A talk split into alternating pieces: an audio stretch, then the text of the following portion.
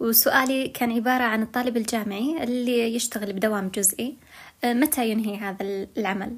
مشغول جدا. أتوقع إنه أكثر من الطبيعي. ما أعرف كيف أفرق هل أنا مشغول صح أو مشغول بزيادة. وأخاف أخسر وأقول يا واد قرش في يدك أحسن من إنه يطير.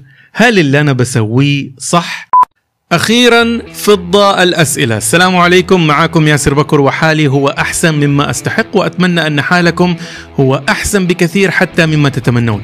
أهلا وسهلا بكم في فضة سواء كنتم تستمعون أو تشاهدون من أحسن بلدان الدنيا المملكة العربية السعودية.